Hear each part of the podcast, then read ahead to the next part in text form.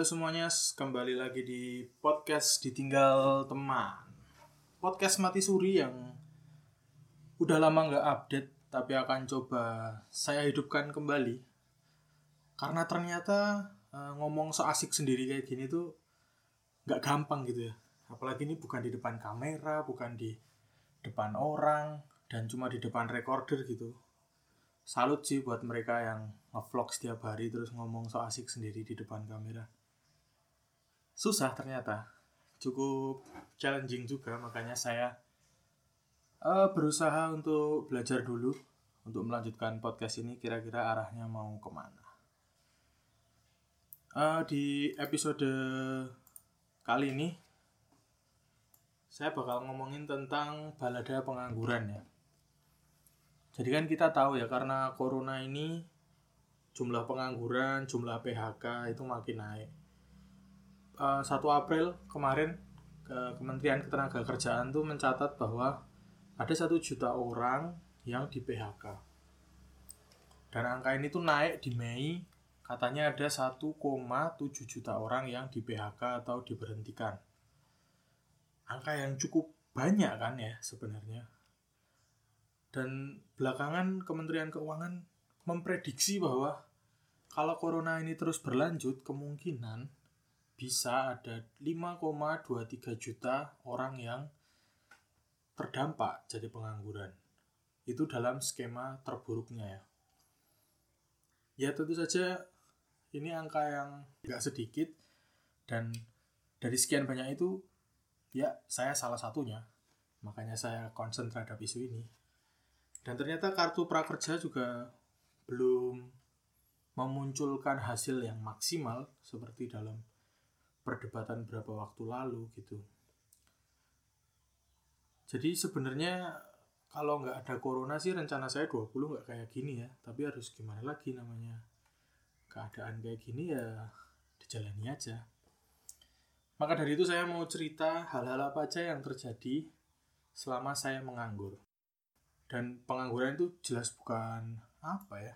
Ya nggak usah nggak usah terlalu pusing sih sebenarnya kalau pengangguran eh ya boleh sih pusing. Ya tergantung preferensi masing-masing deh. Oke jadi stigma pertama pengangguran. Pengangguran itu pasti selalu dibilang bangunnya siang ya. Sebagai pengangguran saya akan jawab bahwa itu memang benar. Tapi alasan dibalik itu yang kalian harus tahu. Kenapa pengangguran bangunnya siang? Setelah saya pelajari dan saya alami sendiri kita bangun siang itu untuk apa? Menghindari dosa.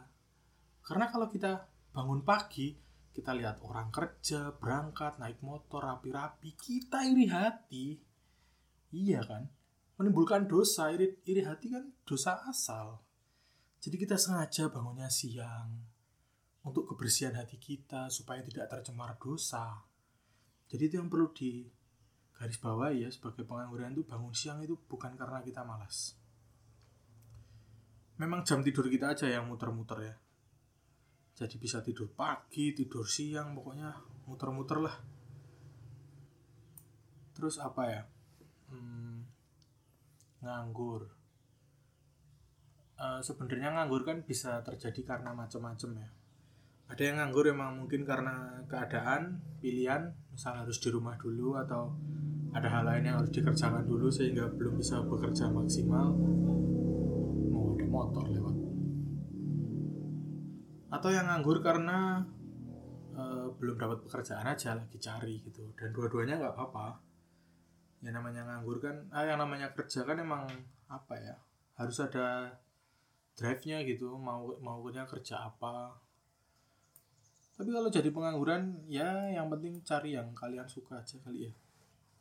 Atau itu yang buat saya tetap nganggur. Nggak tahu juga ya karena itu saya harus cari pekerjaan maka saya cari lamaran kerja tanya-tanya teman tanya-tanya saudara dan setelah saya menyebar pertanyaan itu ada beberapa orang yang nyuruh saya untuk mencari kerja lewat portal uh, pencarian kerja ya seperti yang banyak tahu Jobstreet, Kaliber uh, bisa buka di LinkedIn.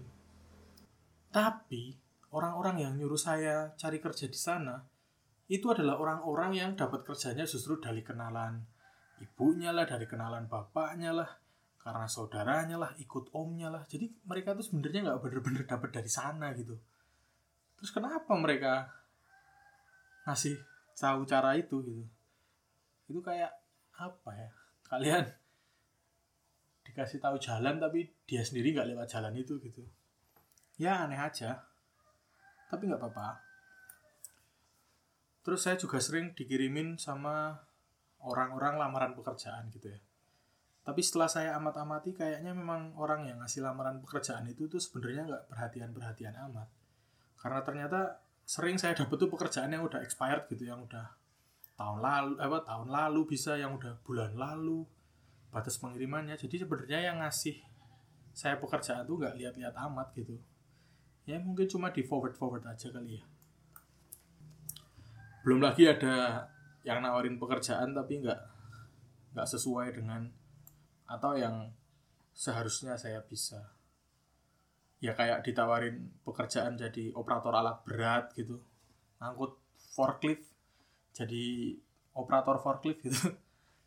Ya bukannya ya itu pekerjaan sih tapi maksudnya uh, saya kan seorang apa namanya yang bergerak di bahasa gitu. Ya kayak ya terlalu jauh juga Terus ada juga yang udah sesuai sama bidangnya tapi ngajar bahasa Indonesia untuk tentara. Hmm. Ya, serem juga sih. Oke, mencari kerja udah. Akhirnya wawancara pertama saya datang. Waktu itu wawancara pertama saya itu online via Google Hangout uh, bingung sih.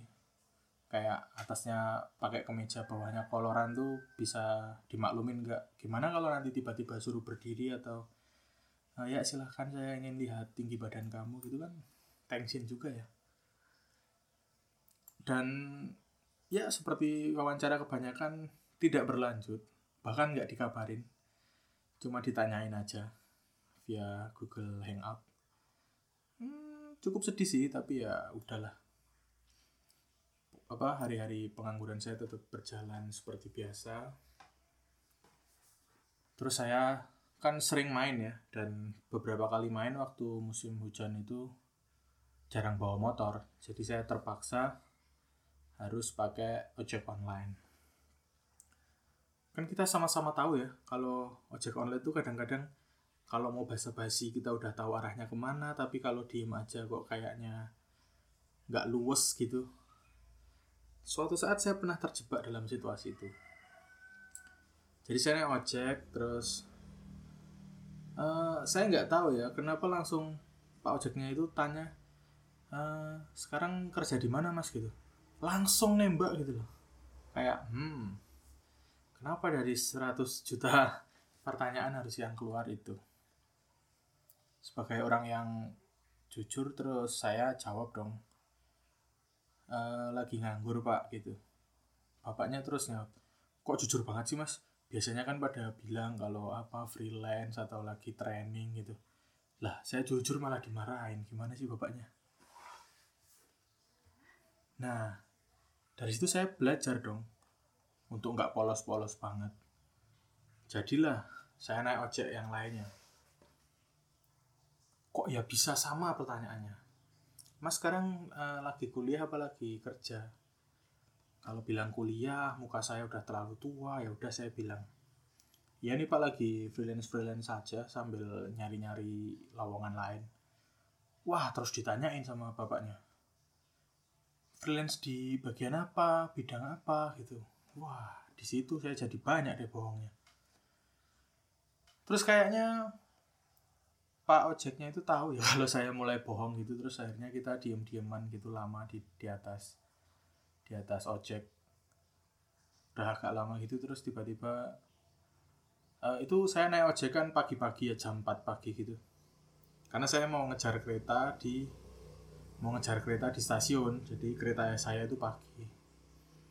Terus pak ojeknya tanya pagi-pagi gini ngapain ke Sarkem mas? Kan udah tutup bukan sarkem itu depannya pak stasiun tugu. Oh gitu. Ya ya udah makin awkward aja kita. Jadi nggak tahu juga ya basa-basi dengan orang lain yang nggak kita kenal tuh perlu dilakukan nggak sih? Apalagi kalau hubungannya dengan tanya-tanya hal yang lumayan sensitif kayak kerjaan misalnya. Pengangguran kan minoritas ya di negeri ini. Ya iyalah masa mayoritas ya bahaya juga negara banyak penganggurannya. Ya sebagai minoritas itu kadang-kadang saya juga sering merasa dikucilkan gitu jadi pengangguran. Kayak jadi minder kalau ditanyain orang. Terus kalau ada hari raya gitu kan pasti kita ngumpul ya. Mulailah itu adrenalin merusuh ya di sana jadi takut-takut gitu kalau di tanyain orang ketemu saudara ditanyain kerjanya di mana jadi harus antara nyiapin satu template pertanyaan uh, satu template jawaban atau ngarang aja bebas biar mereka juga bingung gitu saya tuh nganggur udah hampir semua hari raya lima agama ya udah saya jalani jadi ya udah nggak bisa terelakkan lah kalau ditanyain gitu dan anehnya itu setelah saya nganggur uh, lumayan lama. Kenapa ya kalau pengangguran bilang capek itu pasti orang-orang langsung menganggap menganggap gimana ya aneh mungkin ya. Misal uh, saya ditanyain, ayo dong ke sini uh, ada ini nih. Wah aku capek. Ih capek ngapain orang nganggur? Dah pengangguran nggak boleh capek. Aneh kan ya makanya. Dan apa ya? Kalau jadi pengangguran tuh kayak Nah ini salah satu hal yang saya temukan setelah nganggur. Kalau kita pengangguran tuh jadi kita semakin berhasrat untuk uh, bilang ke orang bahwa kita tuh baik-baik aja gitu. Jadi kayak gimana ya? Kalau kita pengangguran tuh kayak orang harus ngerti lah kalau kita tuh bahagia gitu. Ya jadi punya tendensi itu kalau ngapa-ngapain. Nggak baik sih sebenarnya kalau yang ini menurut saya ya tapi pengalaman terus apa ya pengangguran yang saya oh kalau misal aneh sih ini mungkin saya aja. Kalau misal ke tempat saudara jadi takut dikira minta uang. Maksudnya takut dikira nyari sangu ya. Nah makanya saya kalau ke tempat saudara tuh paling hindarin yang namanya tuh ngelus-ngelus paha. Karena katanya itu tanda-tanda orang mau pinjam duit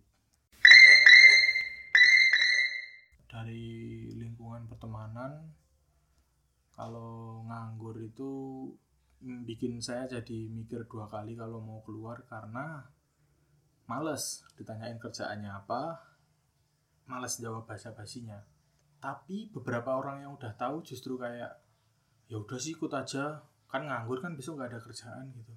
Ya oke okay lah sekali-kali ikut.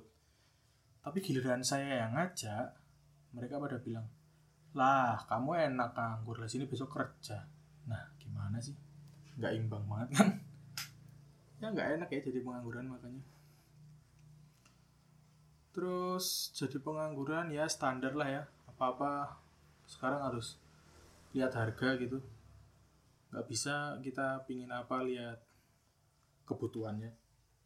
Nyaris selalu lihat harganya kalau pingin apa apa jadi kalau mau makan di warung padang tuh tanyanya jadi macam-macam gitu. Ini kalau pakai ini lauknya berapa kalau nasinya setengah dapat kortingan enggak kalau pakai sambal di diskon apa enggak jadi lebih hati-hati untuk ngeluarin duit.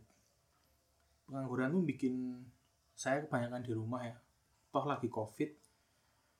Jadi saya di rumah aja terus ya paling pakai baju cuma tiga biji terus pakai celana panjang dikit jadi risih.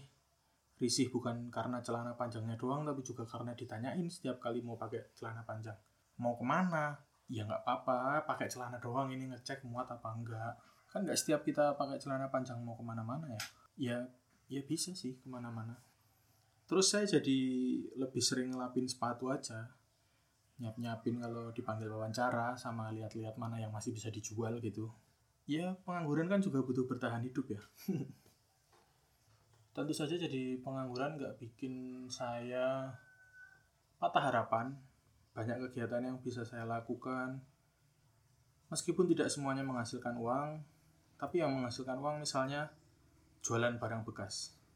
Mungkin kalau ada yang pernah jualan barang bekas kalian bakal tahu bahwa di setiap barang bekas yang kalian punya yang kalian anggap paling tidak berharga di rumah kalian ternyata ada orang yang membutuhkan. Saya juga heran. Kayak saya tuh pernah berhasil jual kartu Yugi yang nggak asli yang palsu aja gitu. Dan dia nggak banyak nawar ya lumayan sih buat saya. Jual kartu Yugi satu deck terus jual speaker mati terus jual sepatu roda sepatu roda yang udah agak macet-macet gitu. Nggak tahu deh mau buat apa sama mereka. Ya tapi itu ada hikmahnya sih kayak mungkin ada barang di tempat kalian yang nggak kalian butuhin lagi bisa diputar aja dijual. Ya kayaknya itu sih pengalaman-pengalaman selama pengangguran. Siapa tahu kalian punya pengalaman yang lebih seru. Karena kayaknya nganggur tuh membuat saya terutama bisa mengeksplor kegiatan-kegiatan apa yang belum pernah saya lakukan sebelumnya misalnya tentu banyak mungkin kalian juga punya misal jadi lebih sering masak atau coba resep baru atau coba bongkar-bongkar motor sendiri atau jadi punya banyak waktu untuk melakukan hal-hal yang kayaknya nggak bisa dilakukan kalau kalian udah kerja full time atau nggak sempat kalian lakukan waktu masih kuliah atau masih sekolah gitu. Ya, pengangguran mengajarkan banyak pengalaman sih. Ya, meskipun mungkin dikhawatirin sama banyak orang juga kenapa ini anak masih nganggur. Tapi ya udahlah ya. Toh saya udah berusaha mencari dan emang belum dapat aja dan pengangguran bisa jadi konten yang jelas. Semoga kalian masih dengerin sampai sini. Buat kalian yang nganggur, gak usah panik-panik lah ya. Masih ada jalannya sendiri-sendiri. Sampai jumpa di episode berikutnya di podcast Ditinggal Teman tanpa narasumber. Bye. Semoga ada yang dengar. Enggak juga nggak apa-apa sih.